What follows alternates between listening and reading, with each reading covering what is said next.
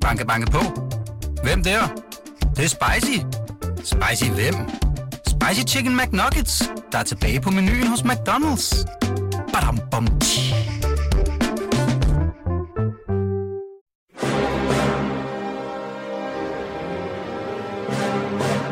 Velkommen til programmet Hitlers Æseløer, et program om bøger om den anden verdenskrig. Mit navn er Jan Cordua.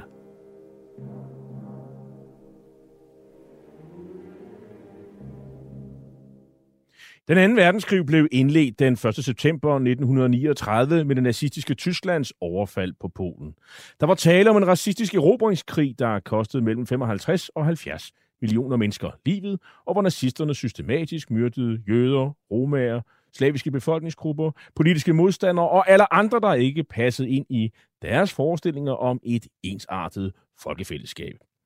Nazisterne de blev i årene efter krigen dømt ved krigsforbryderdomstolen i Nürnberg, og flere af deres organisationer, såsom nazistpartiet NSDAP, SS og Gestapo, ja, de blev stemplet som ulovlige forbryderorganisationer. I denne serie, som vi har valgt at kalde for Hitlers Æsler, præsenterer vi nogle af de mange bøger, som i disse år udkommer om den anden verdenskrig. Vi indleder programmet med at høre nogle øh, tidligere fanger fra den øh, tyske fangelejr Frøslevlejren i Sønderjylland i en optagelse fra Danmarks Radio tilbage i 1946. Nu vil jeg synge en vise om lejren, hvad her er sket og hvordan tiden går. Friheden kommer, når det bliver sommer, og så bliver det varmere, end det er om vinteren. Krum, krum, krum, krum, krum, krum. krum, krum. Den 29. august 1943, ja, der brød samarbejdspolitikken med tyskerne sammen. Det førte til, at øh, tyskerne de indtog Horserødlejren i Nordsjælland for at omdanne til en fangelejr under det tyske rige. Et lille års tid efter, ja, så blev lejren omplantet til Frøslevlejren i Sønderjylland, lige nord for grænsen. I alt under hele krigen sad 8.000 fanger i de to lejre. I 2021 udkom bogen Gestapos fangelejre i Danmark med undertitlen Horserød 1943-44 og Frøslev 1944-45 på forlaget Gyldendal. Og forfatteren, det er som en dig, Henrik Skov Christensen. Velkommen. Tak. Du er historiker, Dr. Fil, mangeårig forsker i besættelsestidens historie, og indtil for relativt nylig, sommeren 2021, der var du museumschef for Frøslevlejrens Museum. Du er forfatter til en lang række værker, både om fangelejre i Danmark, bombeangreb i Danmark, og du har også været, tidligere været med her i studiet, da vi talte om din bog om stikkeren Grete Bartram. Henrik, det er jo noget af en øh, bog, du har, har, har skrevet 742 sider med noter og alting. Øh, hvorfor har du øh, skrevet en bog om øh, de her to øh, fangelejre?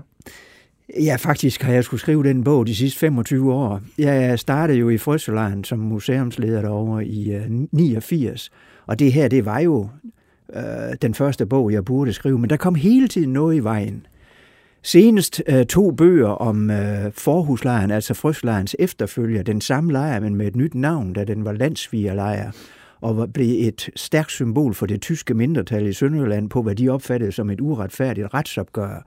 Så det begik jeg senest et par bøger om, men der er hele tiden kommet noget i vejen. Og derfor så kom jeg først i gang relativt sent, og bogen kom så her i august 2021. Hvem var fangerne i lejren? Ja, altså i Horserød, som jo var en slags prolog til Frøslev, øh, der var der i høj grad tale om politiske fanger og gisler. Når lige bortset fra jøderne, de var jo indsat, fordi de af nazisterne blev betragtet som raceværdigt mindreværdige, eller racemæssigt mindreværdige. I Frøslev, øh, hvis vi springer til den, der var fangebelægget noget mere broget. Altså, der var modstandsfolk, der var grænsegendarmer, der var politifolk, og især de sidste, altså politifolkene, kom til med tiden og udgør en meget stor del af, af fangebelægget, og det skyldes, at de politifolk, der blev, syd, blev ført sydpå, Øh, i, øh, i korset og krigsfangelejre, de gradvist blev øh, repatrieret til Danmark og blev så indsat i frøskelejren øh, til videre internering. Desuden så var der også en type fanger, som man ikke hører så meget om, det var de såkaldt asociale og vanekriminelle fanger, og de, øh, dem to tyskerne simpelthen ved at gennemgå de danske kriminalregistre, og så i øvrigt lave store razziaer i, øh, i, øh, i øh, større danske byer som Aalborg, øh, Aarhus, Odense og København.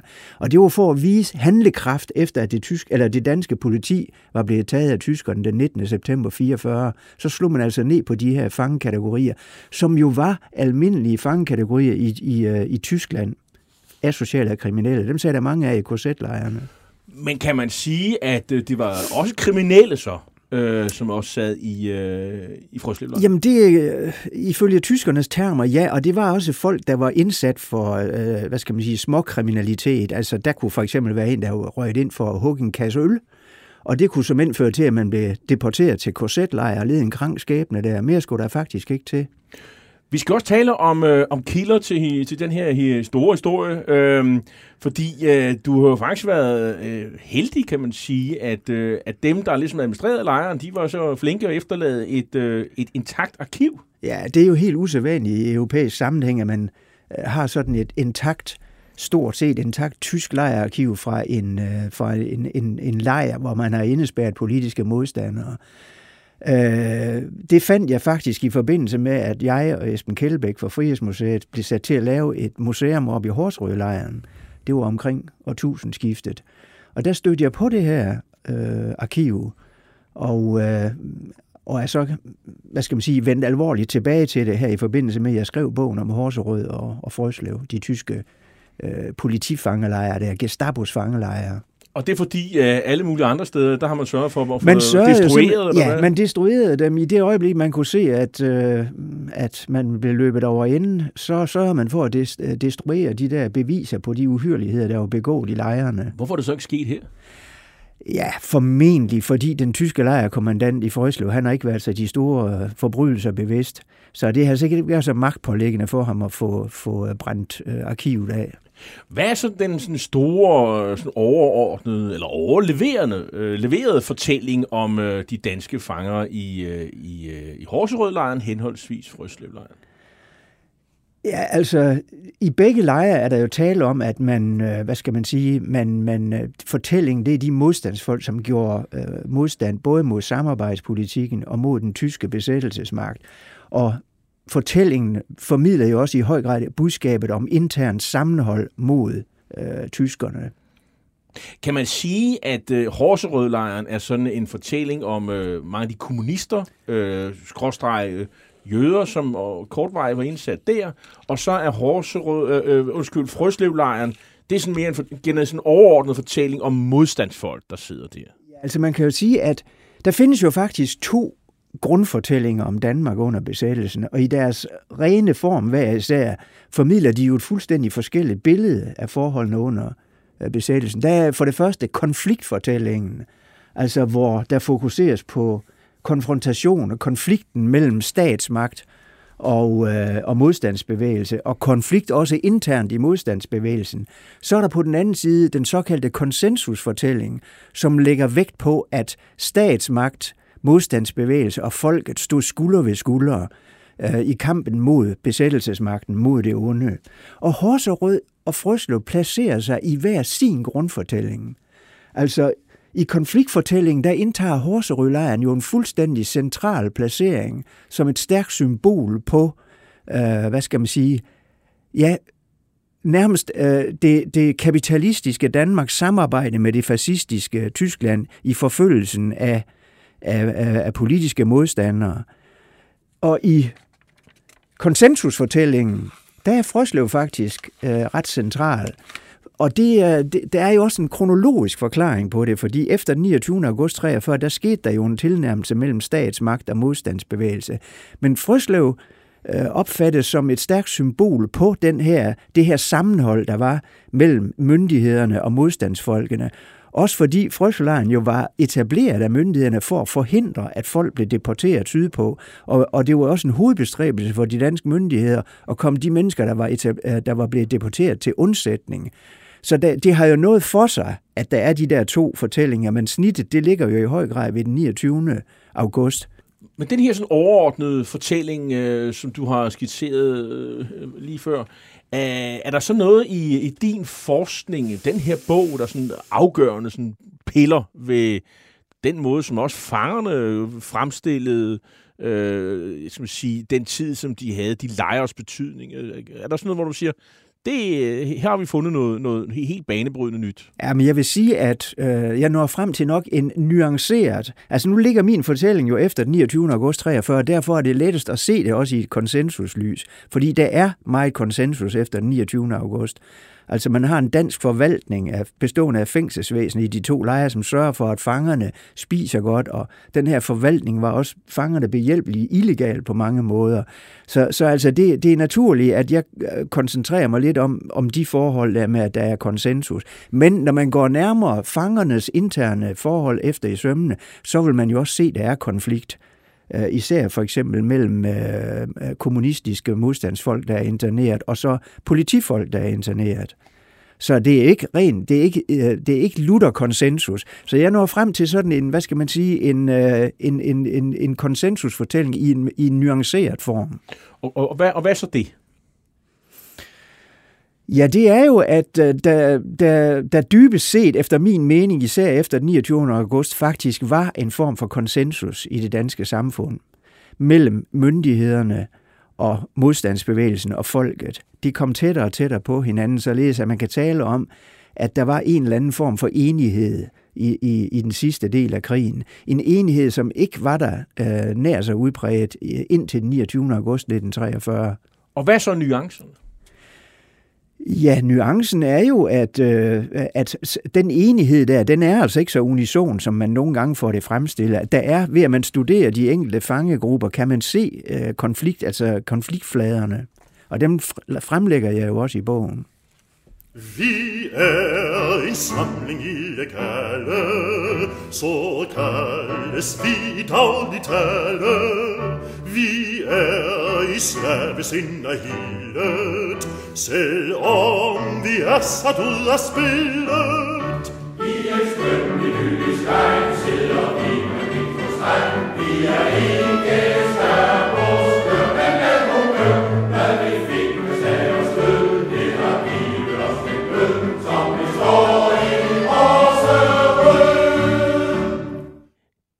Ja, vi hører her Horserød-sangen i en øh, ny optagelse, kan man høre, fra 2011, og det er øvrigt med Sønderborg Mandskor. Det lyder glimrende. Ja. Øhm, vi begynder jo med Horserød-lejren, og, øh, og den lejr i Nordsjælland, øh, det, det er ret tæt på Helsingør.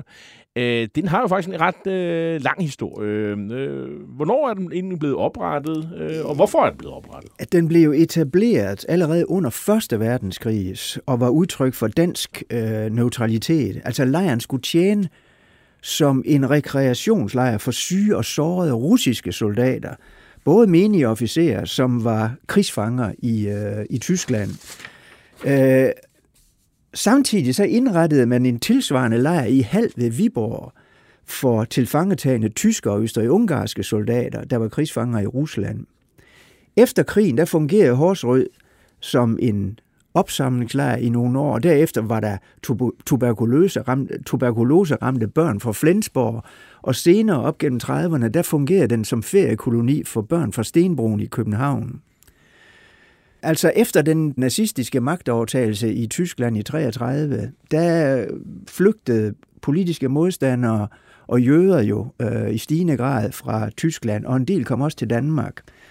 Og man kan sige, at de europæiske lande var som hovedregel afvisende over for flygtningene. Man frygtede, at de kunne være en kilde til øh, politisk uro og kunne være en social belastning. Ikke desto mindre så ankom der faktisk øh, godt 1000 øh, tyske flygtninge til Danmark. Og efter den tyske besættelse af Danmark den 9. april 1940, der blev cirka 80 af de her, man kaldte dem immigranter, interneret i Horsrødlejren under det danske fængselsvæsens opsyn. Og interneringen skete ganske enkelt på tysk krav. Tyskerne forlangte altså simpelthen, at de blev interneret. Nogle af dem blev successivt løsladt, men flertallet blev udleveret til Tyskland de sidste 41 den 2. august 1940, og de udleverede, de led en uh, krank skæbne i, uh, i uh, tyske tugthus og korsetlejre. Så det er jo en, øh, en meget, meget trist historie. Ja. Øh, deres, øh, Ja. øh, de her med tyske emigranter primært. Øh, Ja. Men øh, lejren får jo så nye øh, beboere, kan man sige, øh, efter at øh, øh, Tyskland angriber Sovjetunionen øh, den 22. juni 1941. Så skal der skabes rum til en helt ny type fanger. Og hvem er det? Ja, altså den tyske besættelsesmagt kræver jo ganske enkelt, efter man har indledt feltogen mod Rusland, at, øh, de ledende, at ledende danske kommunister skulle interneres. Og øh, dansk politi tilbageholdt cirka 300 øh, kommunister de følgende måneder. Hovedparten af dem de blev faktisk ret hurtigt løsladt, men i august 41 der blev godt 100 af dem overført fra Vesterfængsel til øh, Horserød-lejren. Og dermed så var kommunistlejren i Horserød en realitet. Interneringen af de her kommunister, det skete jo på øh, regeringens ansvar, men der var ikke noget lovgrundlag. Det blev tilvejebragt, da rigsdagen vedtog den såkaldte kommunistlov, som trådte i kraft den 22. august 1941. Så, øh, men det er jo altså øh, på det her tidspunkt jo øh, en, en dansk lejr, det er, det er danske fangevogtere, øh, og jeg går ud fra, at de her kommunister, bortset fra at det er selvfølgelig ubehageligt at blive spærret ind, øh, så har de jo sådan set det, de skal, de, de skal spise, de bliver behandlet ordentligt øh, på det her tidspunkt. Ja, altså hvis man ser på den kommunistiske erindringslitteratur og også den, hvad skal man sige, de samtidige øh, korrespondencer kommunister imellem, så, øh, så betegnede man jo konsekvent Horsrødlejren som en koncentrationslejr. Men altså, der var jo ikke forhold i lejren, der overhovedet mindede om det, man siden øh, så i de tyske korsetlejre. Man spiste udmærket. Det var det danske fængselsvendsen, der stod for for, for, for plejningen og, og medicinalvarer osv., så, videre. så man led ingen nød. Og det er vel egentlig sådan lidt øh, særtilfælde allerede, det her, at øh, man er besat af Tyskland, men man øh, styrer lidt selv sin egen lejr. Ja, det er jo udtryk for den her samarbejdspolitik. Så det kommer jo sådan set øh, kommunisterne til gavn, kan man sige. Der, dem, Det må dem, der, dem, der er blevet øh, indfanget. Set sådan i bagklogskabens klare lys, ja, så, øh, så må man sige, at hvis de var blevet deporteret direkte til korsetlejre, øh, så havde de haft en værre skæbne. Hvad, hvad, hvad får kommunisterne, som øh, sidder i Horserød-lejren, tid til at gå med? Hvad skal de? Skal de er det sådan noget strafarbejde? Nej, eller hvad? nej, det er der ikke. Altså det, der er måske nogle små, øh, små jobs i, i form af, at de holder nogle funktioner inde i lejren øh, øh, kørende, ikke? altså funktioner, der er til gavn for dem selv. Ellers så er det mit indtryk, at de øh, fordriver tiden, som det passer dem.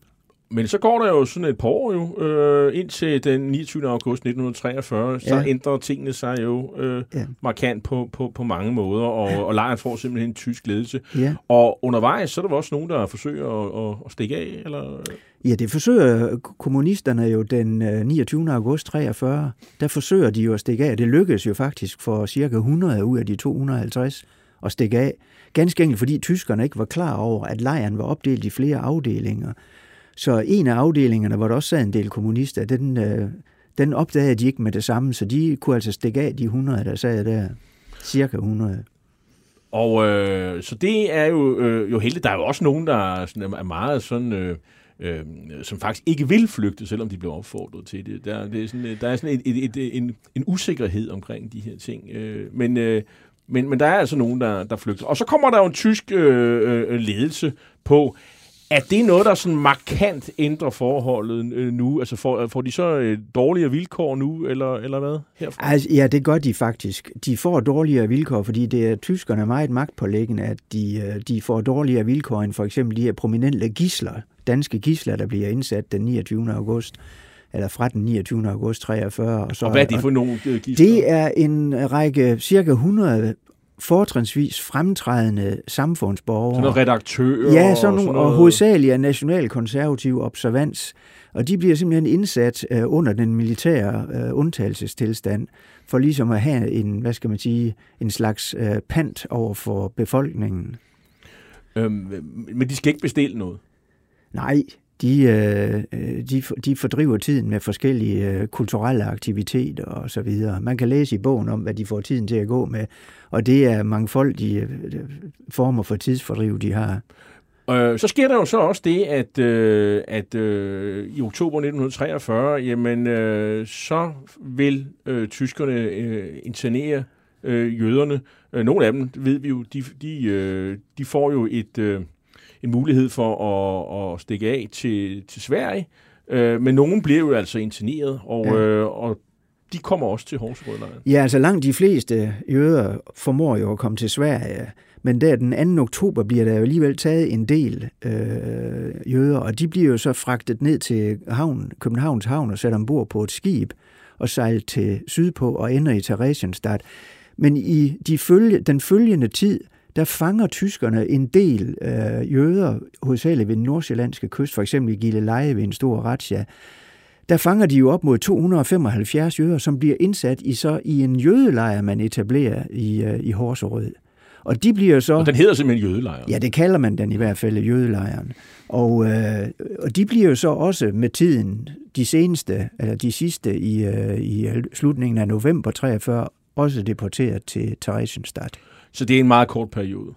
Det er en relativt kort periode. Ja, det er jo ligesom gislerne, de der prominente danske samfundsborgere, de sidder fra den 29. august til, til slutningen af november, hvor de sidst bliver, bliver løsladt. Og altså jøderne sidder så fra, fra oktober og så frem til slutningen af november. Så der i, øh, i slutningen af 43, der er det sådan stadigvæk øh, kommunisterne, der sidder der? Nej, kommunisterne de bliver jo faktisk deporteret sammen med jøderne, der bliver sejlet fra Københavns Havn den 2. oktober. Der bliver kommunisterne, der stadigvæk sidder i Horsrød, de bliver alle sammen deporteret til, øh, hvad det hedder, til koncentrationslejren Stutthof. Og det er jo også en, del, det er jo også en af de ting, der har gjort, at kommunisterne øh, efterfølgende har, øh, har, hvad skal man se, har, har etableret den her fortælling om, hvordan de blev forrådt af den danske stat, og, og, øh, og faktisk, at den danske stat var medansvarlig for, at de endte i øh, tysk korsetlejr. Så hvem er så tilbage i, øh, i Horserød-lejren, når vi når over på den anden side af 1944? Ja, så har vi, nu har vi jo så både kommunisterne væk, jøderne er væk, og, øh, gisler, og gislerne, de prominente gisler er væk. Men fra slutningen af oktober, der begynder der at ankomme deciderede modstandsfolk, altså folk, der havde lavet, hvad det hedder, sabotage og så videre.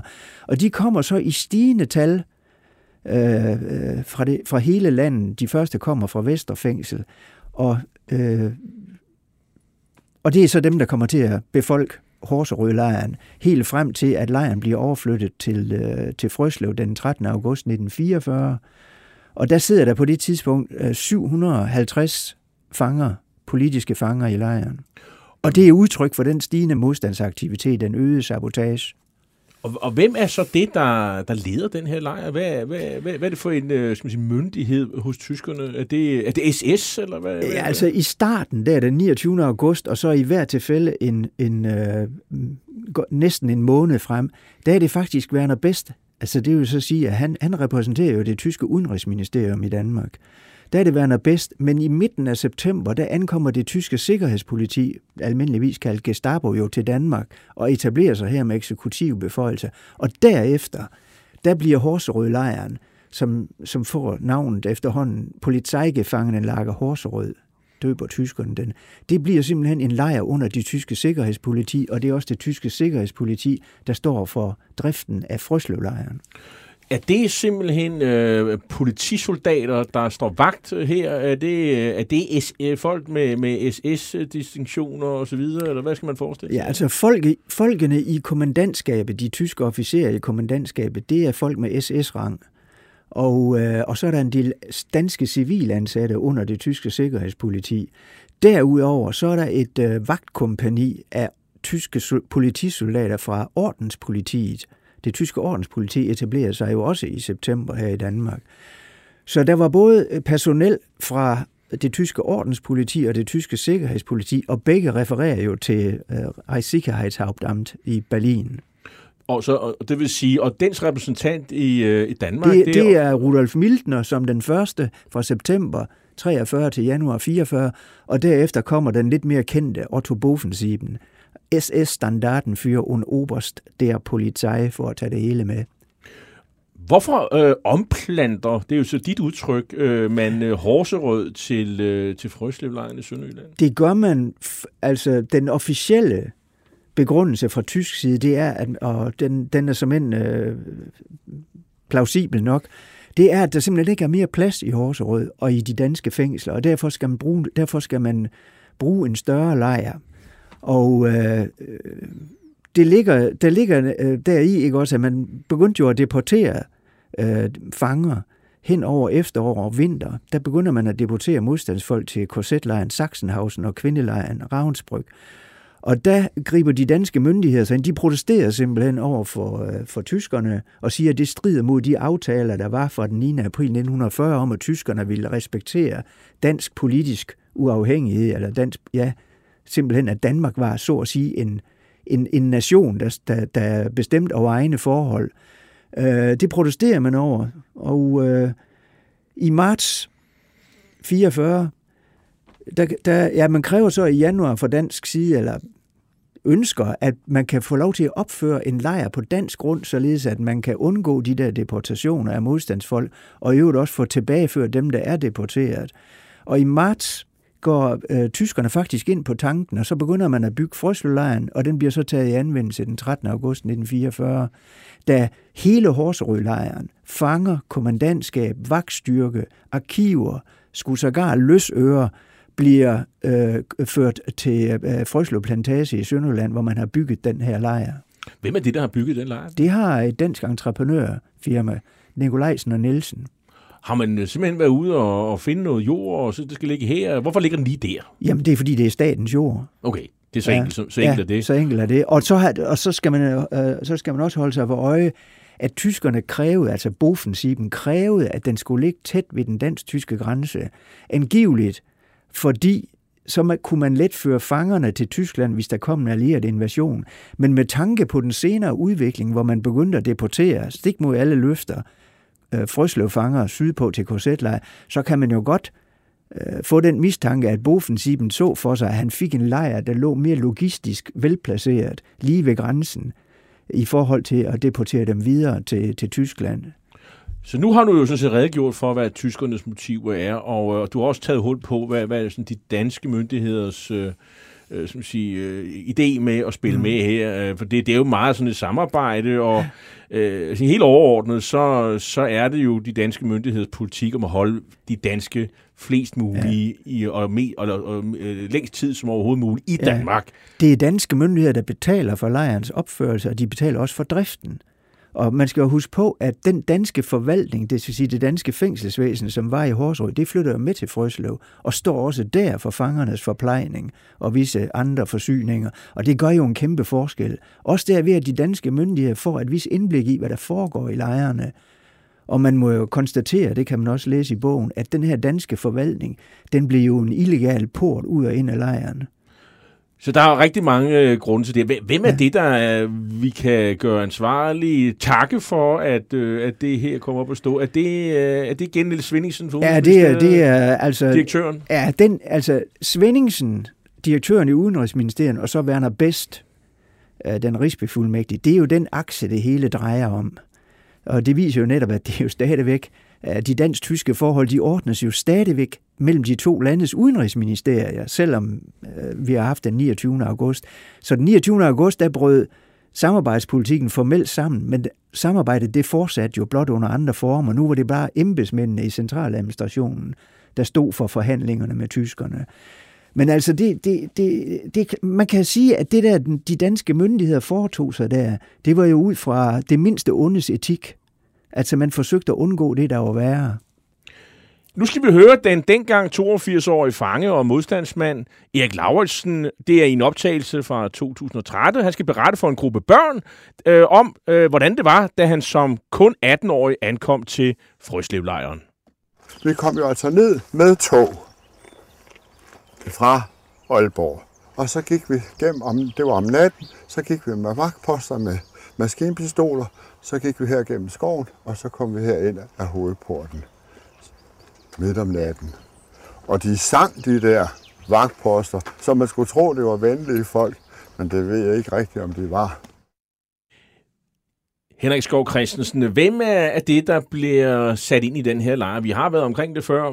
Det er, det er jo de modstandsfolk, som tyskerne på en eller anden led øh, får op under neglene. Der er retsjager og folk, der bliver taget, og så videre. Ja. Øh, det er Øh, det er noget med en, en, en afhøring hos Gestapo, og, øh, og så på det her tidspunkt er man ikke så øh, gået i gang med sådan at henrette folk. Øh, så det er i første omgang, at man ryger i, øh, i spjælet, og så Ja. ryger man videre til en fangelejr. Jo, de var jo faktisk begyndt at... De hentede jo folk i Horsrød til henrettelse. Man brugte, tyskerne brugte jo Horsrød som sådan en slags hyttefad, således at forstå, at hvis øh, befolkningen og modstandsbevægelsen ikke var aktiv, så undlod man at henrette de her folk, man hentede i Horserød. Var man aktiv, så henrettede man folk. Det var jo den skæbne, der overgik for eksempel Hvidstengruppen. De blev jo hentet i Horserød og ført til København, kom for krigsret og blev efterfølgende henrettet. Men stadigvæk, de fleste af dem, de kom til, øh, til Frøslevlejren. Hvis ikke Ja. de kom øh, længere til Tyskland. Ja, man kan sige, at altså de første 750 fanger, der kommer til Frøslejren, det er modstandsfolk. Det, og det udgør jo modstandspionererne, det vil sige på den ene fløj kommunister, og på den anden fløj nationalkonservative. Men med tiden, der bliver, modst, altså der bliver, øh, der bliver lige så vel som modstandsbevægelsen udvides rent politisk. Den politiske midte kommer mere med, der kommer sådan mere systemtro modstandsfolk, for eksempel officerer. Så kommer de også til at præge billedet i Frøslev. Plus, der kommer jo også politifolk til Frøslev. Der kommer grænsegendarmer, som jo begge bliver bliver øh, taget af tyskerne der den 19. september 44, og så kommer der også de her asociale og kriminelle, så man kan sige, at det bliver en langt mere broget forsamling i, øh, i Frøslev. Og øh, nu har du allerede nævnt nogle af kategorierne, men, øh, og man kan jo også gruppere dem på anden vis. Øh, Der sidder faktisk også kvinder Ja. i lejren. Hvor, hvor mange er det? jo? Ja, altså i Horserød sagde der vel formentlig 50, maks 75 kvinder. I øh, Frøslejren var der med tiden to kvindebarakker, og der var vel omkring 150-200 kvindelige fanger. Men der skete jo, det er svært at gøre op, fordi der skete jo jævnligt løsladelser, ligesom der gjorde blandt de mandlige fanger. Men øh, en 50-200 stykker, Hvor, hvor, eller 150-200 stykker. hvor, hvor, hvor mange sad i, øh, i Frøslevlejren, da der var allerflest? Det gjorde der natten mellem, eller døgnet mellem den 20. og 21. april 1945, der sad der 5.500 fanger i Frøslev. Men det skyldtes jo så den lykkelige omstændighed, at øh, der kom jo nordiske fanger hjem med de hvide busser, og det betød en total overbefolkning i, i nogle få døgn i, i Frøslevlejren. Men ellers vil jeg sige, at sådan fra marts 45, der var fangetallet på cirka 7-3800. Hvad var sådan lejren bygget til? Den var vel bygget til omtrent 1500, 1500-2000 fanger. Det lyder ikke som om, at det er sådan specielt sundt, også med hensyn med henblik på sundhedsfarer, at man, at man sådan overbefolker. Ja, det var... Jeg vil tro, der var en lidt stram hørm i nogle af, af, af belægningsstuerne. Vi kunne lige øh, dvæle mere omkring de her asociale, øh, altså det, det, det er jo sådan et skældsord, det var der sikkert også allerede dengang. Altså, hvem, hvem er det? De får sådan en hanekampsfrisyre, ja. For ligesom at skille dem ud ved andre fanger, og det er vel selvfølgelig for at, at, at genere dem, at man gør det der, eller det går ud fra. Ja, altså de blev jo simpelthen udsat for negativ særbehandling, og her taler jeg både fra tyskernes side og fra medfangernes side. Men hvad er en asocial? Altså, En asocial, det var, det kunne, nu skal man tænke på, i Tyskland, der havde man jo, øh, hvad skal man sige, kategorier af, af indespærrede, der hed asociale og, og kriminelle. Hmm. Det, var, det var formelle fangekategorier i de tyske korsetlejre. Så det, når vi siger asociale og vanekriminelle, så er det, det er tyske betegnelser. Øh, asociale, det kunne for eksempel være, at man i Aarhus spærrede Frederiksgade af, som var en notorisk sortbørsgade og med, med bordel og smugkro og så videre. Spærrede af i begge ender, og så gik man alle folks afsvejs igennem, og dem, der ikke kunne gøre øh, behørigt redde for bopæl og hvad de lavede her og så videre, de kunne bare ryge ind. Det var nok til, at man røg i Forsvarlejen. Der var også sådan nogle razzier her i København, der røg de så i Vesterfængsel. Nu- Og vanekriminelle, det var simpelthen nogen, man fandt ofte ved at gennemgå det danske kriminalregister. Altså tyskerne gik de danske kriminalregister igennem og pillede nogle folk ud. Så når man siger asocial, så skal man ikke forestille sig, at det er sådan vagabunder. Jo, også det. Øh, øh, kunne det være, nu siger jeg bare ho- homoseksuelle? Den Ja, der kan- var dengang jo noget Der kan, vi har i sagtens, dag. der jo. kan sagtens ligge... Der var jo nogen, der sad decideret arresteret i, i Frøslev som homoseksuelle, men der kan sagtens være et mørketal blandt de kriminelle og asociale af homoseksuelle. Det skriver jeg også lidt om i bogen. Okay. Øh, så er der jo også... Men det, altså, det var bagateller ofte. Altså, en, øh, en knægt på 18 år, der stjæler en kasse øl og, og, og bliver, ryger i Frøslo, og bliver senere deporteret til KZ-lejre i Tyskland og lider en krank skæbne der. Så man skal ikke låse sig fast på sådan en, en, en, en sådan meget snæver tolkning af, hvad asociale kan være for nogle mennesker. Nej, og der blandt de asociale og kriminelle, der dækkes så også, det ved vi, enkelte modstandsfolk.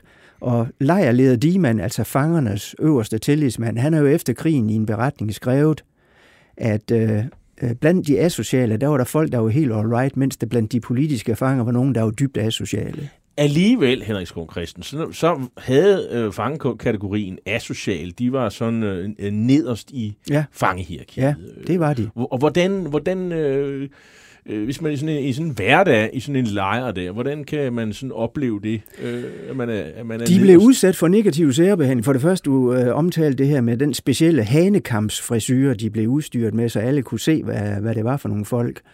Og øh, de blev udsat for straffeeksercits fra tyskernes side, og blev det hele taget dårligere behandlet. Men, men der var ikke sådan en stor øh, øh, omsorg fra, fra skal man sige, de, de, andre fangekategorier, som måske Nej, det ser kategorier. ud som om, det bløder sig lidt op hen ad vejen, og det ser også ud som om, den ikke var unison, den der udgrænsning af, af de asociale og kriminelle, at der faktisk var nogen, der syntes, at de var ok, og dem skulle man også være solidarisk med. Nu skal vi øh, snakke lidt nazistisk, øh, ikke fordi vi har lyst til det, men øh, fordi det simpelthen også er et, et, et ord, som nazister bruger, øh, Gestapo i hvert fald. Sippenhaft. Ja. Øh, Henrik, hvad betyder det? Ja, det er sådan noget med, at man, man bliver arresteret øh, med, med slægtsansvar for nogen, der har begået, øh, øh, hvad skal man sige, anti-tyske, antinazistiske handlinger. Så hvis ikke de kan få fat på vedkommende, så kan de jo altid snuppe en øh, bror eller en søster eller børn. og så Så, så man, altså, man får lov til at bøde for, at en familiemedlem Ja. har foretaget sig Ja. ting, som den tyske værnemagt øh, ikke bryder sig om. Ja, Okay. eller Gestapo. Altså, Hvad, hvad, hvad, øh, det var i, i Frøslev sad der, øh, der sad en del pårørende til tre SOE-faldskærmsagenter, har jeg konstateret. Hvor mange sidder der i Sippenhaft i, i Frøslev? Ah, det er vel omkring en 20-25 stykker i det lag der. Men de bliver ikke sådan udsat for sådan øh, særlig Nej. øh, skal man sige, negativ Nej. behandling? Okay. Men altså, det er jo, øh, det er jo meget begrænset, det her Sippenhaft i Danmark, i forhold til for eksempel i Norge. Der var der langt flere, der sagde Sippenhaft. Så er der øh, en øh, særlig gruppe øh, danskere, som sidder under beskyttelsesophold. Øh, hvor mange af de, og hvem er de? Ja, tyskerne kaldte dem for de evakuerten, altså de evakuerede. Det var simpelthen personer, som ikke kunne øh, gå i fred ude i samfundet, øh, fordi modstandsbevægelsen efterstræbte dem på livet. Øh, jeg synes nu mere, at det er pårørende, altså kvinder, altså koner og børn til sådan nogle efterstræbte. Øh, et godt eksempel, det er jo øh, Birkedal, i Birkedal Hansen, den notoriske Gestapo-mand. Hans øh, kone og barn sad over i den her evakuerede, de her to evakuerede barakker. Fangerne kaldte dem for stikkerbarakkerne, og, og, og børnene der, dem kaldte de meget uvenligt for stiklinge. Ja, det lyder ikke særlig øh, øh, øh, rart, men, men, men, men man kan sige, de har jo sådan også nogle, må jeg gå ud fra, nogle, nogle noget friere forhold end, øh, end, end resten. Ja, jamen, de var på, på en måde at betragte som fanger. Det var, det var en ren beskyttelsesforanstaltning. Men der sidder også, skal man sige, øh, nogle øh, berømtheder, måske senere berømtheder. Øh, Grete Bartram, som du selv har skrevet Ja. en bog om, og, og den øh, notorisk savnomspundne Jørgen Valdemar Beach, Ja. øh, som er en af dem, man mistænker for at have øh, likvideret, skudt, øh, dræbt Clemmensen. øh, øh, redaktør Clemmensen. Ja. Øhm, Begge to, når man går i deres afnamebefæl, det vil sige deres fangejournal og de der indsættelsespapirer fra Gestapo, så står der faktisk, at de er indsat på grund af modstandsarbejde. Men for, for Grete Bartrams vedkommende, der er det i hvert fald helt sikkert, at det havde hun ikke begået. Hun var indsat simpelthen for at skulle fungere som, øh, som cellestikker. Med Bits ved jeg ikke. Han kan jo have involveret sig i noget illegalt arbejde. Jeg skal ikke kunne sige det. Men det er tydeligt på, på Bartrams øh, eksempel, at man udstyrer dem, man sikrer dem simpelthen hele vejen igennem, således at også deres papirer, indsættelsespapirer fremgår det, at de er illegale. Simpelthen for, at de ikke skal blive kompromitteret af deres medfanger. Men det blev jo så Bartram, fordi der var til synlandet nogen, der vidste, at hun var på den forkerte side. Så hun var der ganske kort, så tog hun til Aarhus igen. Og Bits skæbne er, er ukendt, og hvilket også bidrager til ja. den her savnomspundethed. Ja, han, han, kom, han, han var jo en af dem, der blev arresteret af fangerne den 5. maj, da lejren blev befriet, og blev så sat ind i det, man kaldte forhuslejren. Ikke? Men der flygtede han faktisk fra i løbet af, jeg tror det var maj eller juni 45, og ikke set siden. Hvordan er forholdene for skal vi sige, de her gennemsnitlige danske fanger øh, i Frøslevlejren? Altså, de får nok at spise, Ja. øh, og så har de sådan... Øh, har de sådan noget at skulle øh, have sagt? Er der, er der noget sådan... Øh, kan de organisere sig på en eller anden led? Eller hvad, hvordan, hvordan kører det? Jamen for at starte med det første. De spiste udmærket. De fik god, solid husmandskost, øh, tillavet af det danske fængselsvæsen. Og jeg har ikke hørt nogen gamle fanger. Jeg har talt med en del, mens de stadigvæk levede. Der var nogle af dem, de slog sig på maven, på maven og sagde, mm, det var god mad, de fik. Solid kost. Ikke gourmet mad, men solid kost. Med hensyn til at organisere sig og så videre, så skal man, øh, så skal man jo øh, holde sig for øje, at det var en tysk lejr, og tyskerne havde et system i den slags lejre. Det havde man også i korsetlejrene, hvor med, med fangeselvforvaltninger. Det vil sige, det var fangerne selv, der administrerede deres øh, interne forhold.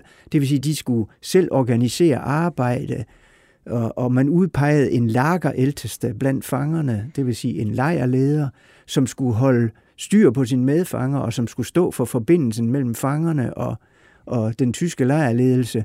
Og det var jo faktisk de her, øh, det var den her lejrledelse, der på mange måder drev den indre lejr med alle funktioner. Og det var også helt nødvendigt for den tyske kommandant, han havde simpelthen ikke folk til det. Og det gjorde så også, at de fik indflydelse på deres forhold. I de tyske korsetlejre, der er det for mig noget af det mest modbydelige. Det er jo de her fangeselvstyre, også kaldt overfanger. Karpoerne. Karpoerne, ja. Det, den nærmeste plageånd i en tysk korsetlejr, det var som regel en medfange, sådan en overfange. Og de øh, udmålte jo også af, disciplinære afstraffelser og, og altså udførte dem banke, altså standardstraffen, det var 25 auf den Arsch, altså 25 slag bag i med et eller andet slaginstrument, en knibbel eller et bundbræt fra en seng, eller hvad man nu kunne finde. Sådan var det ikke i frøslejren. I frøslejren, der udgjorde fangeledelsen et effektivt skjold mellem fangerne og den tyske lejrledelse. Og det skyldes jo dybest set, at der var jo ingen grund til, øh, der var jo ikke nogen, øh, hvad skal man sige, nogen anledning til at skulle kæmpe for sit liv, for fy, altså fysisk overlevelse. Der var mad nok i lejren, det var der ikke i korsetlejrene. Så derfor så drejede det sig i korsetlejren om at få, få adgang til den øh, knappe mad, der var. Og det gjorde man så ved at træde op på hinanden simpelthen. Det, men det var der jo ikke noget som helst øh, nogen anledning til at gøre i Frøslevlejren. Og der var heller ikke alle de her formelle, trods alt, formelle fangekategorier og nationaliteter, som tyskerne i korsetlejrene spillede ud mod hinanden. Så vi, det her billede, vi har af korsetlejre, som er voldsomt, altså med, med, med konstant vold og mishandling mm. og, og, og henrettelser sådan stort set øh, sådan, øh, øh, hele tiden og sådan noget, det, det er helt væk her.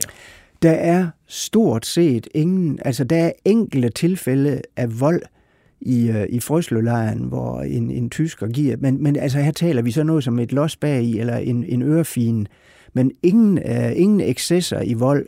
Der er ingen ikke epidemiske sygdomme, slår fangerne ihjel, som slår fangerne ihjel osv. Så, videre. så Frøslølejren, den, den adskiller sig fra tilsvarende lejre på altså helt markant vis. Også i forhold til dem i Norge, som er samme type. Så, så vi kan glemme alt om overdødelighed og alt sådan noget. Det er der, det findes. Altså ved du hvad, der var så mange fanger, uh, mange læger blandt fangerne, at, at lægedækningen blandt fangerne i Frøsland, den var faktisk bedre end, end udenfor i det almindelige civile samfund. Hvordan er sådan forholdet til sådan de, de tyske vagter og lejrledelse sådan i øvrigt? Der vil jo altid være sådan et arketypisk underliggende øh, modsætningsforhold, men man må jo konstatere, at det var meget få af, de, af, de, af tyskerne, der var decideret frygtet øh, eller hadet. Heller ikke engang lejrkommandanterne. Det var, der var en eller anden form for, øh, om ikke samdrægtighed, så i hvert fald øh, nogenlunde fred øh, mellem øh, vogter og, og fanger. Nu har du jo haft lejlighed til at tale med, med, med, med de fanger, der var, mens de, mens de stadig var i live og så videre. Hvad, hvad, hvad fortæller de om, hvordan de fik sådan øh, dagene til at gå med? Jamen, øh, noget helt karakteristisk, det var jo, at de så tilbage på deres ophold i Frøslev. Det er selvfølgelig i, en harmoniserende, mm. i et harmoniserende lys, ligesom vi alle husker, hvad militær... Ja, præcis. Noget, ja. De ser jo tilbage og så tilbage på deres ophold i Frøslev som et højskoleophold, hvor man dyrkede masser af kulturelle aktiviteter. Folk fik lov til at udfolde de talenter, de havde, og nogle fandt talenter, de slet ikke vidste, de havde, altså med hensyn til at tegne, studiekredse osv. osv. Kunne man få lov at læse bøger? Jamen, de, øh, man fik lov til at oprette et decideret bibliotek. Så der var rig, så rig ad- adgang til Ja, den ja. slags ting? Ja, ja. Hvad med avislæsning og sådan noget? Nej. Øh, jo, hvis du vil læse øh, Fæderlandet, altså det, den nazistiske avis, eller det tyske mindretals nazistiske avis, Nordslesvigske Zeitung. Men ikke, ikke, der var ikke adgang til almindelige danske aviser. Men der var jo et åndsliv, som du, du taler om. Ja. Altså, hvad med gudstjeneste kunne man få? Også det. Der var masser af præster dernede. Og altså, ifølge havsordningen, altså lejrregulativet, der var det forbudt. Altså, det stridede jo mod den nazistiske Weltanschauung, det der med, med kristendom. Verdensanskuelsen. Ja, ja, nemlig. Og, øh, øh, men der var altså adskillige præster dernede, og de sørgede for at, øh, at forkynde evangeliet for deres medfanger. Og øh, nogle af de ting, som de også var gode til, det var at, at lave revy og at komponere ja. sange, og det skal vi lige høre et eksempel på her. Foreningen Frøslev holdt et års stiftelsesfest forleden, og der sang de gamle Frøslevfanger nogle af disse sange. Og der var blandt andet en af dem, der hed Krum Krum. Det er den omkvædet Krum Krum Kratter Krum. Og vi har inviteret forfatteren og en halsnæs tidligere fanger fra lejren op i radiohuset for at høre lidt nærmere om denne mærkelige sang. Hvordan øh, blev den til? Ja, den blev til på den måde, at vi var jo på vores stue, der var i sådan en revyhold. Og vi var jo gået tom for både tekst og musik og det hele. Men hver aften så lå der en mærkelig mand over i sin køje, og han havde sådan en melodi, han lå og nynnede. Og den fik vi fat på, og så gav vi os til at komponere både musik, komponere musikken om og lave tekst til den. Hvordan kunne man gøre det uden musikinstrumenter? Det Ja, vi, vel ikke. nej, det havde vi ikke, da vi kom, men vi lavede nogle. Vi fik marmelade hver morgen i begyndelsen. Og der så vi så en tom marmeladebøtte og skar den over og lavede en guitar. Strengene smuglede vi ind udefra, og på den måde klarede vi musikken. Ja. Hvad sigter så det mærkelige omkvædet? Krum, krum, kratter, krum. Hvad sigter det til? Ja, se, når man sådan sidder sådan et sted, så får man ikke nogen inspirationer udefra. Så må man bruge dem, man har og har hørt før i tiden. Og der havde jeg en ven. Hver gang jeg mødte ham, så sagde han altid, krum og krum og grat og krum. Og så sagde jeg til min ven, jeg lavede revy sammen med, det bruger vi. Og det gjorde vi så. Kunne man sådan sidde og lave revy i Frøslevlejren? Hvad sagde tyskerne til det? Ja, de var jo ikke glade for det, for de vidste det ikke, så det gjorde ikke så meget. Så vi klarede den meget godt. Vi bare brænde. Det vil sige, vi sad hjemme på stuen, og når kom tyskere, så bare vi brænde. På den måde klarede vi situationen. Hvad handler krum, krum, kratter, krum om? Den handler om lejrens liv, hvad der er sket, og alle de små episoder, der nu kunne være dernede. Alle de åndssvagheder, tyskerne fandt på dengang. Ja, vi må hellere høre den. For Ja, nu skal vi få vide. Nu vil jeg synge en vise om lejren, hvad her er sket og hvordan tiden går. Friheden Ja, og det var jo et eksempel på, øh, hvordan man kunne få tiden til at gå med. Ja. Og, og det var så en revysang, og, ja. Og vi kan her til sidst i udsendelsen, så kan vi faktisk høre hele sangen. Men, mm. men øh, der kunne også være andre sysler, Henrik Skov Christensen, øh, de kunne blive sendt ud og grave panserspæringer til sidst. i Ja, det, nu vil jeg lige sige, at når de ser tilbage på det som sådan et øh, røgskoleophold, hvis man går ind i de samtidige illegale dagbøger, så vil man jo også se, at det har også noget med temperament at gøre. Nogle de var jo som fisk i vandet, og andre de led under at være indkvarteret sammen med folk, de måske ikke brød sig om, og som øh, de var ved at blive sindssyge simpelthen. Altså, det var det, man dernede kaldte for fængselsvis. Jeg kommer med flere eksempler på det i, i bogen. Men der var nogen, der ikke trives i det der. Og så var der jo også noget andet, og det kommer vi måske ind på lidt senere. Det er jo det der forhold, at der en måned efter lejren var taget i anvendelse, der blev de første 200 fanger deporteret sydpå, stik mod alle løfter. Og den der trussel om en vilkårlig deportation, den, hang, den martrede simpelthen mange af fanger. Den hang som sådan en mørk sky over lejren resten af tiden dernede. Men ja, de blev sendt øh, på, på arbejde syd for grænsen, panserspæringer. Det var jo fordi tyskerne etablerede den såkaldte Friservold, et fæstningsanlæg vendt mod en allieret invasion, der gik helt fra Emsland ved den tysk-hollandske grænse og op i Nordslesvig, det vil sige i Sønderjylland. Og der blev Frøslevfangerne udkommanderet til at grave panserspærringer lige umiddelbart syd for grænsen. Øh, det var i nogle dage i november. Det var, jeg tror, det var 700 fanger, der blev udkommanderet.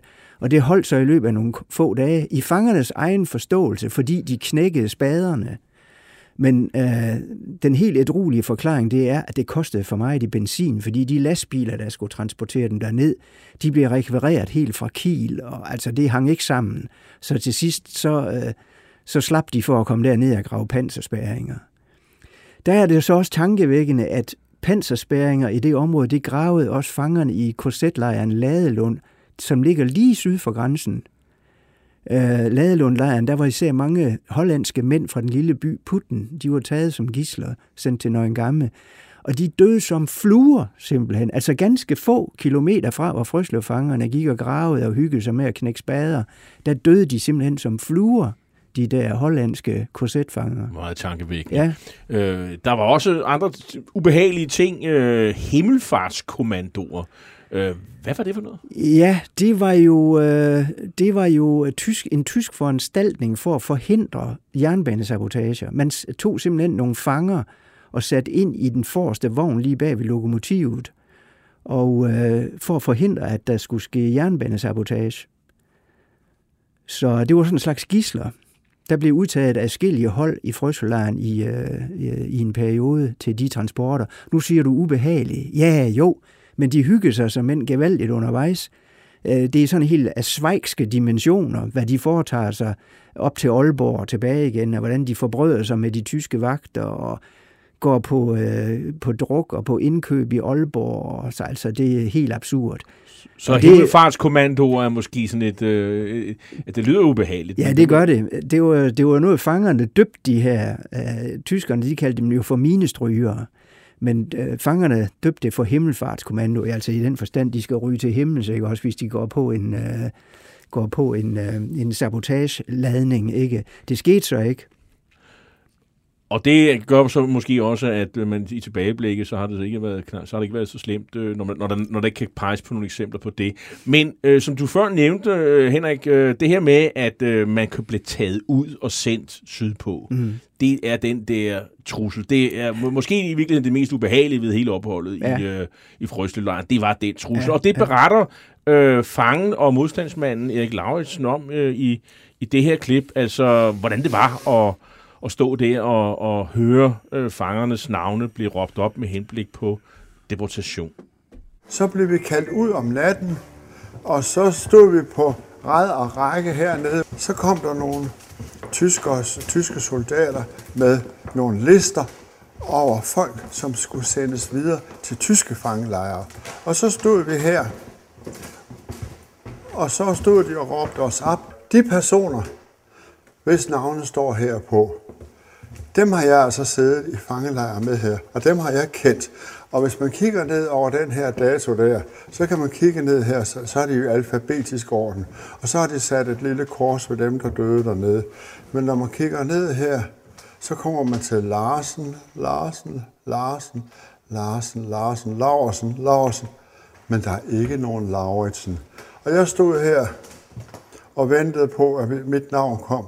Og da det så ikke kom, og de så gik over til det næste der, så blev jeg så lettet og glad, for så vidste jeg, så skulle jeg ikke derned. Ja, og det kan man jo knap sætte sig ind i, hvordan det har været. Men øh, øh, omkring 2100 fanger blev så øh, deporteret til Tyskland. Og hvor, hvorfor skete det det? Ja, altså de, de 500 af dem, det er, det er så i Horserødlejren, og det var jo kommunisterne, jøderne og så de modstandsfolk, der blev deporteret øh, hen over efteråret øh, 43, vinteren 44. Frøslev, det var cirka 1600. Og det startede den 15. september, altså bare en måned efter lejren var taget i anvendelse. Der 44? Kom, ja, og der røg de første 200 afsted, og det blev efterfulgt af flere større transporter således at øh, cirka 1600 kom sydpå. Stort, altså alle undtagen den sidste store transport i midt, så sent som midten af februar, der gik til Dachau, så kom de alle sammen til korsetlejren og en gammel lige syd for Hamburg. Og her mødte de jo forhold, der var afgrundsdybt forskellige for dem, de kendte i Frøslev. Og, øh, og vi ved jo, at nogle af dem ikke kommer til, tilbage igen. Ja, cirka 225 øh, af dem kom ikke levende fra det. Men man kan vel sådan overordnet vil sige, at planen med at holde danskere øh, danske fanger i Danmark sådan overordnet lykkedes. Mm. Øh, det er sådan, som jeg, hvis, hvis det er 8.000 fanger i alt, øh, ja. så er det sådan en øh, tre fjerdedel, godt og vel, som bliver i, i landet. Man må jo gå ud fra, at hvis ikke Frøselejren var blevet bygget, så ville alle de der mennesker blive deporteret sydpå. Så på den måde kan man sige, at det er en succes, i hvert fald en betinget succes. Men en, øh, en 100% succes var det jo ikke, i og med, at der var 1600, der blev deporteret. Men så må man også se på, at det forhold, at de bliver anvendt, øh, anbragt i, øh, i Frøslov, det udskød jo også tidspunktet for deres deportation. Og det er meget betydningsfuldt for overlevelsesmulighederne. Man kan jo se i de første deportationer fra Frøslov der i september-oktober 44, der er øh, det jo en, en dødelighed på op mod 30 procent i de transporter, mens den faldt adskilligt, jo længere vi kommer hen i tid. Kunne man øh, som fange i frøstøvlejrene lave illegale aktiviteter, øh, for eksempel høre radio? Der var mindst to illegale radioer i øh, frøstøvlejren. Det er de to, vi, vi helt positivt kender til. Der var en i den såkaldte studenterstue, og en i den såkaldte gedestal. Altså det var to fangestuer. Og der fulgte man jo med i frontudviklingen øh, og hørte øh, den engelske BBC-udsendelse til Danmark. Hvad kunne man ellers lave? Altså, sådan øh, ting, som man ikke måtte? Jeg lige vil sige, hvad kunne man ikke lave? Altså alt, øh, alt hvad der var, ikke var tilladt, og det var meget, hvis man skulle gå efter havsordningen, det kunne man lave, og det øgede selvfølgelig underholdningsværdien, hvis det var forbudt. Så, Men var, altså, var, straffene hårdere, hvis det blev opdaget? Ja, hårdere og hårdere. Altså disciplinære straffene, som var foreskrevet i strafordningen, det var som regel fratagelse af Øh, begunstigelse som øh, retten til at modtage post, pakker i en periode og besøg i en periode. Og så kunne det, så kunne det kombineres med et, øh, et tidsbestemt ophold i lejrens arrest øh, øh, i mørke, altså øh, isolationsarrest i, i mørke. Øh, og det kunne endda være, med, af, med, hvad det, mit Wasser und Brot, altså kun på vand og brød i en, i en begrænset periode. Uh, der var folk, der blev løsladt, kan jeg forstå. Der var masser af folk, der blev løsladt. Er det fordi, de udstod deres straf? Nej, fordi de sad der ikke. Det var, det var meget, meget få, der sad i Horserød og frøsler på tidsbestemte straffe. Det, der skete, det var, at Gestapo øh, afhørte menneskene, og når de, eller de her folk, de havde taget, og når de så følte, at de ikke kunne få mere ud af dem, så betragtede de deres sag som afsluttet, og så sendte man dem til Horserød og til Frøslev.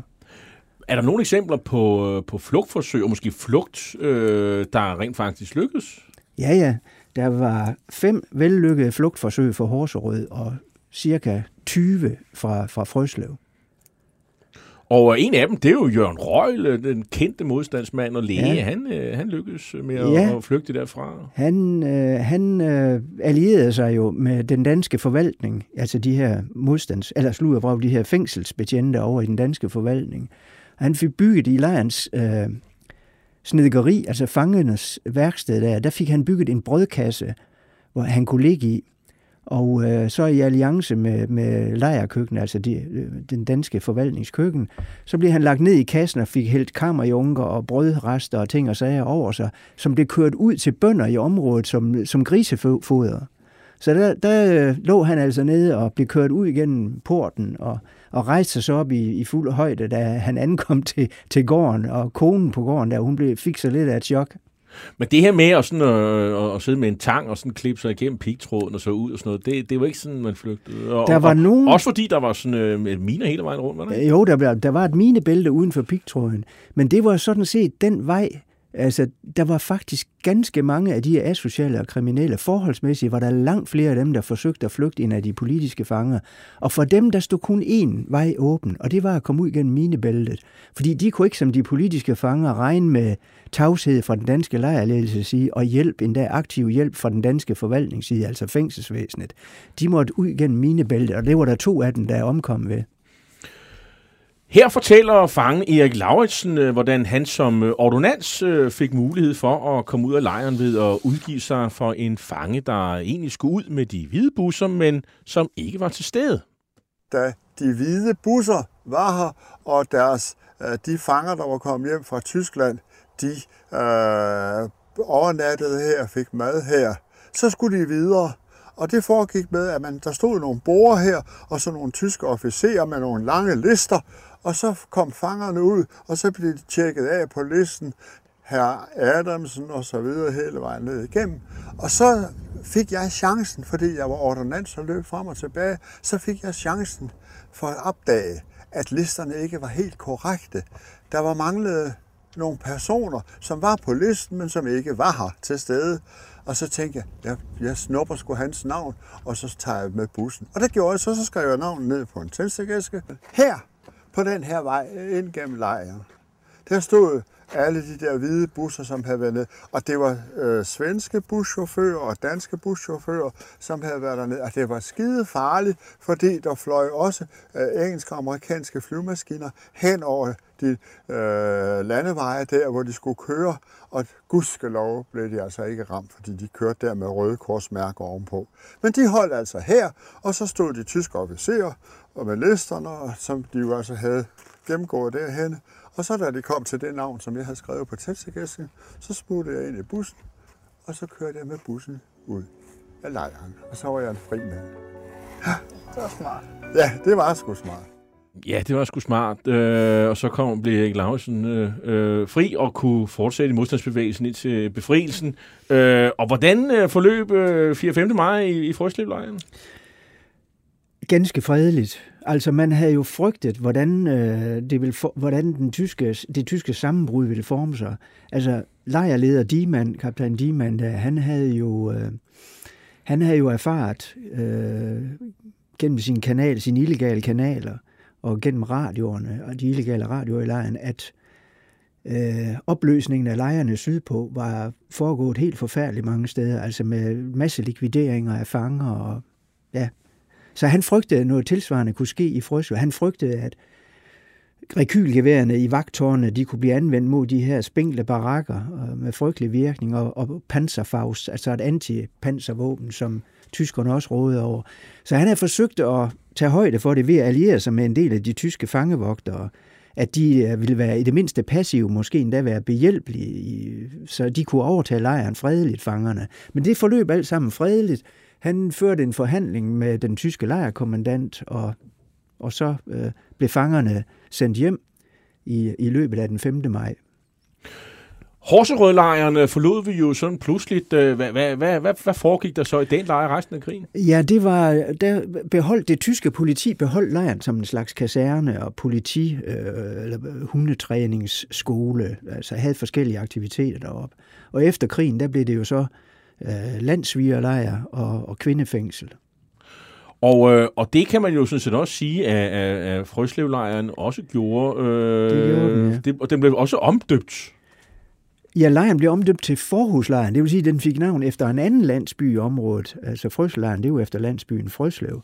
Og det var jo noget, modstandsbevægelsen ønskede, fordi man følte, at Frøslev var et hedersnavn, og det skulle ikke besudles af de nye folk, der kom til at sidde der, altså folk, der var, inde, der var interneret som landsviger.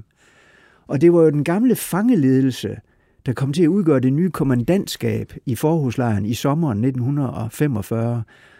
Øh, så øh, de kendte jo lejren som deres egen bukselomme. Så de brugte faktisk de gamle tyske reglementer og strukturer stort set øh, uændret indtil fængselsvæsenet overtog lejren i sin helhed den 3. august 45. Så skulle der afzones, og øh, varetægtsfængsels efter ord, under ordnede forhold, og det vil sige statslige regulativer.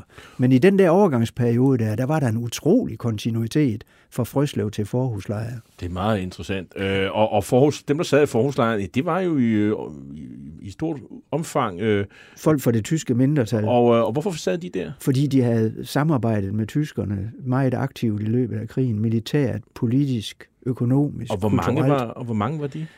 Ja, der var 3500 der, blev, øh, der, der sad der i kortere eller længere tid. Og hvor lang tid øh, fungerede forhuslejren? Den fungerede til efteråret 1949. Det er jo lang tid. Ja, betydeligt længere end Frøslevlejren. Og hvad, og hvad skete der så øh, med den lejr, øh, Frøslev forhuslejren? Den blev til Padborglejren. Så tog vi den tredje lokalitet i anvendelse, og der blev den her kaserne i efteråret 1949. Og det var den indtil? Det har den været op til en gang i 60'erne, så overtog Civilforsvaret lejren som kaserne. Og så er det på et tidspunkt blevet museum? Ja, så blev det museum, mens, mens faktisk øh, herren var der. I 1969, der var der tidligere frøslevfanger, der etablerede Frøslevlejrens museum.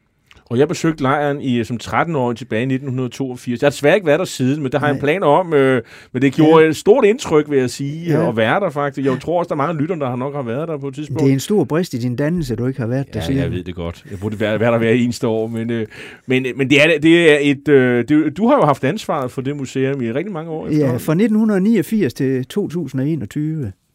Og, og der, der, er det, der er det undergået store forandringer, og, vil jeg godt sige. Og hvordan er museet i dag, vil du sige? Hvordan betegner det? Det er et fangemuseum.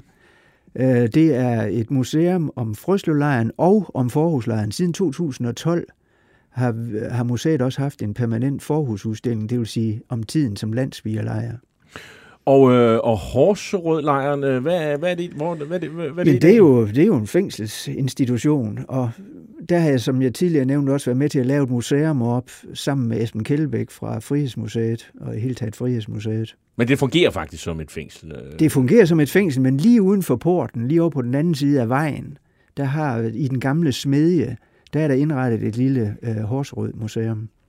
Men øh, kan vi kon- konkludere her til sidst, at øh, der har været sådan en erindringskultur, øh, og det er vel, øh, det er vel sådan de stærkeste fanges fortællinger, der har, der har domineret øh, både det, der foregik i Horserødlejren og i, ja. og i Frøslevlejren? Altså man kan jo sige, at Horserødlejren, det er jo, det er jo øh, hvad skal man sige, det, det er jo helt centralt i den kommunistiske mindekultur. Mm. Og det var jo især perioden fra 41 til 43, altså da, mynd, da danske myndigheder øh, stod for, for at drive lejren. Frøslevlejren, det er i høj grad en lejr, som er etableret af de af det daværende fangeraristokrati. Øh, og som, som jeg sagde tidligere, så, så står den ret central i, hvad man kunne kalde for en øh, konsensusopfattelse af besættelsestiden. Og der var du nok hævde, at du også forsøgt at nuancere det billede. Ja, ja. Og, øh, og det glæder vi os alle sammen, også der skal ned til at besøge Frøslevlejren øh, inden så længe. Øh, det vil jeg vel personligt glæde mig til. Og så vil jeg jo selvfølgelig øh, bemærke mig, at øh, de tyske lejre i Danmark, som vi har jo talt om i dag, at de var en markant, og der skal virkelig understreges, markant undtagelse sammenlignet med andre tyske lejre i de ja. tysk besatte Europa. Og det kan alt sammen føres tilbage til den danske regerings, efter min mening, den danske regerings reaktion den 9. april 1940, da tyskerne besat landet. Der tog den danske regering jo ganske vist under utryggelig protest mod det tyske tilbud om og øh, hvis man undlod at gøre modstand, så vil tyskerne til gengæld øh, respektere dansk suverænitet. Og derved fik vi den helt specielle besættelsespolitiske situation, vi fik i Danmark, og den varede ved lige til den 5. maj 1945. Og det kom på afgørende vis til at præge forholdene i de der lejre her i Danmark som er selve spejlbilledet af forholdene her i Danmark. Du kan bare sammenligne med tilsvarende lejre i Norge, der var helt anderledes så, forhold. Så det her tæller med på hvad man siger, den positive vurdering af, af samarbejdspolitik? Det tæller i hvert fald med på den side, hvor man kan sige, at Danmark fik nogle øh, begunstigelser. Uh, andre vil jo sige, at det var flot. Ikke? Nu vil jeg få sige tak til dig, Henrik Skov Christensen, fordi du kom her og talte med mig om din bog, Gestapos fangelejre i Danmark, med undertitlen Horserød 1943-44 og Frøslev 1944-45. Det var en, øh, altså, det er en bog, der udkom i 2021 på forlaget Kyldendal. Hitlers Æsler er slut for i dag. I teknikken sad Josefine M. Hansen, og jeg hedder Jarl Cordua og er vært og tilrettelægger programmet. Du kan genhøre dette program og de andre programmer i serien via berniske.dk-podcast eller en af de øvrige podcasttjenester. Det er også på de øvrige podcasttjenester, at man fra efteråret 2021 også kan høre alle ældre afsnit, som blev produceret af Radio 24 /7. Husk, du kan også melde dig ind i programmets Facebook-side. Bare søg på Hitlers æseløer. Til sidst, ja, der skal vi da høre, som lovet, hele sangen med fangelkoret fra Frøslevlejrens revyhold i en optagelse fra Danmarks Radio i 1946, der i øvrigt ligger på Bonanza. Sangen hedder Krum Krum. Tak for i dag. Ja, vi må hellere høre den. For ja, nu skal vi høre den. Nu vil jeg synge en vise om lejren, hvad her er sket og hvordan tiden går. Friheden kommer, når det bliver sommer, og så bliver det varmere, end det er om vinteren. Krum, krum, krum, krum, krum, krum, krum. Formanden ringer så tidligt om morgenen, tæller os op på den iskolde gang. Prøjseren kommer, når det bliver sommer, og så bliver det varmere, end det er om vinteren. Krum, krum, Når vi har spist fløjter arbejdssirenen, så skulle arbejde til at tage fat. Holdene kommer, når det bliver sommer, og så bliver det varmere, end det er om vinteren.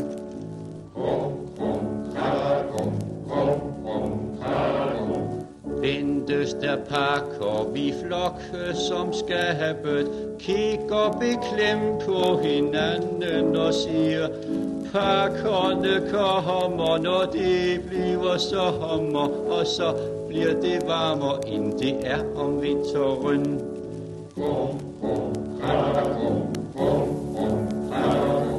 Over i spjældet har siddet tre piger, de gik i lejren i mandfolketøj. Børnene kommer, når de bliver sommer, og så bliver det varmere, end det er om vinteren. Krum, krum, krum, krum, krum, krum, krum. Grundet på mangel af optændingsbrænde, vi fædre landet i lejren skulle have frit Danmark kommer, før det bliver så hommer, og så bliver det varmere, end det er om vinteren.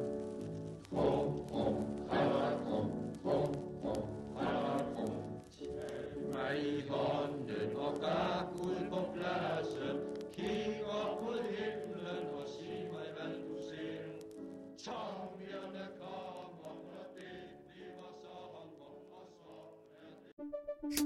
Banke, banke på.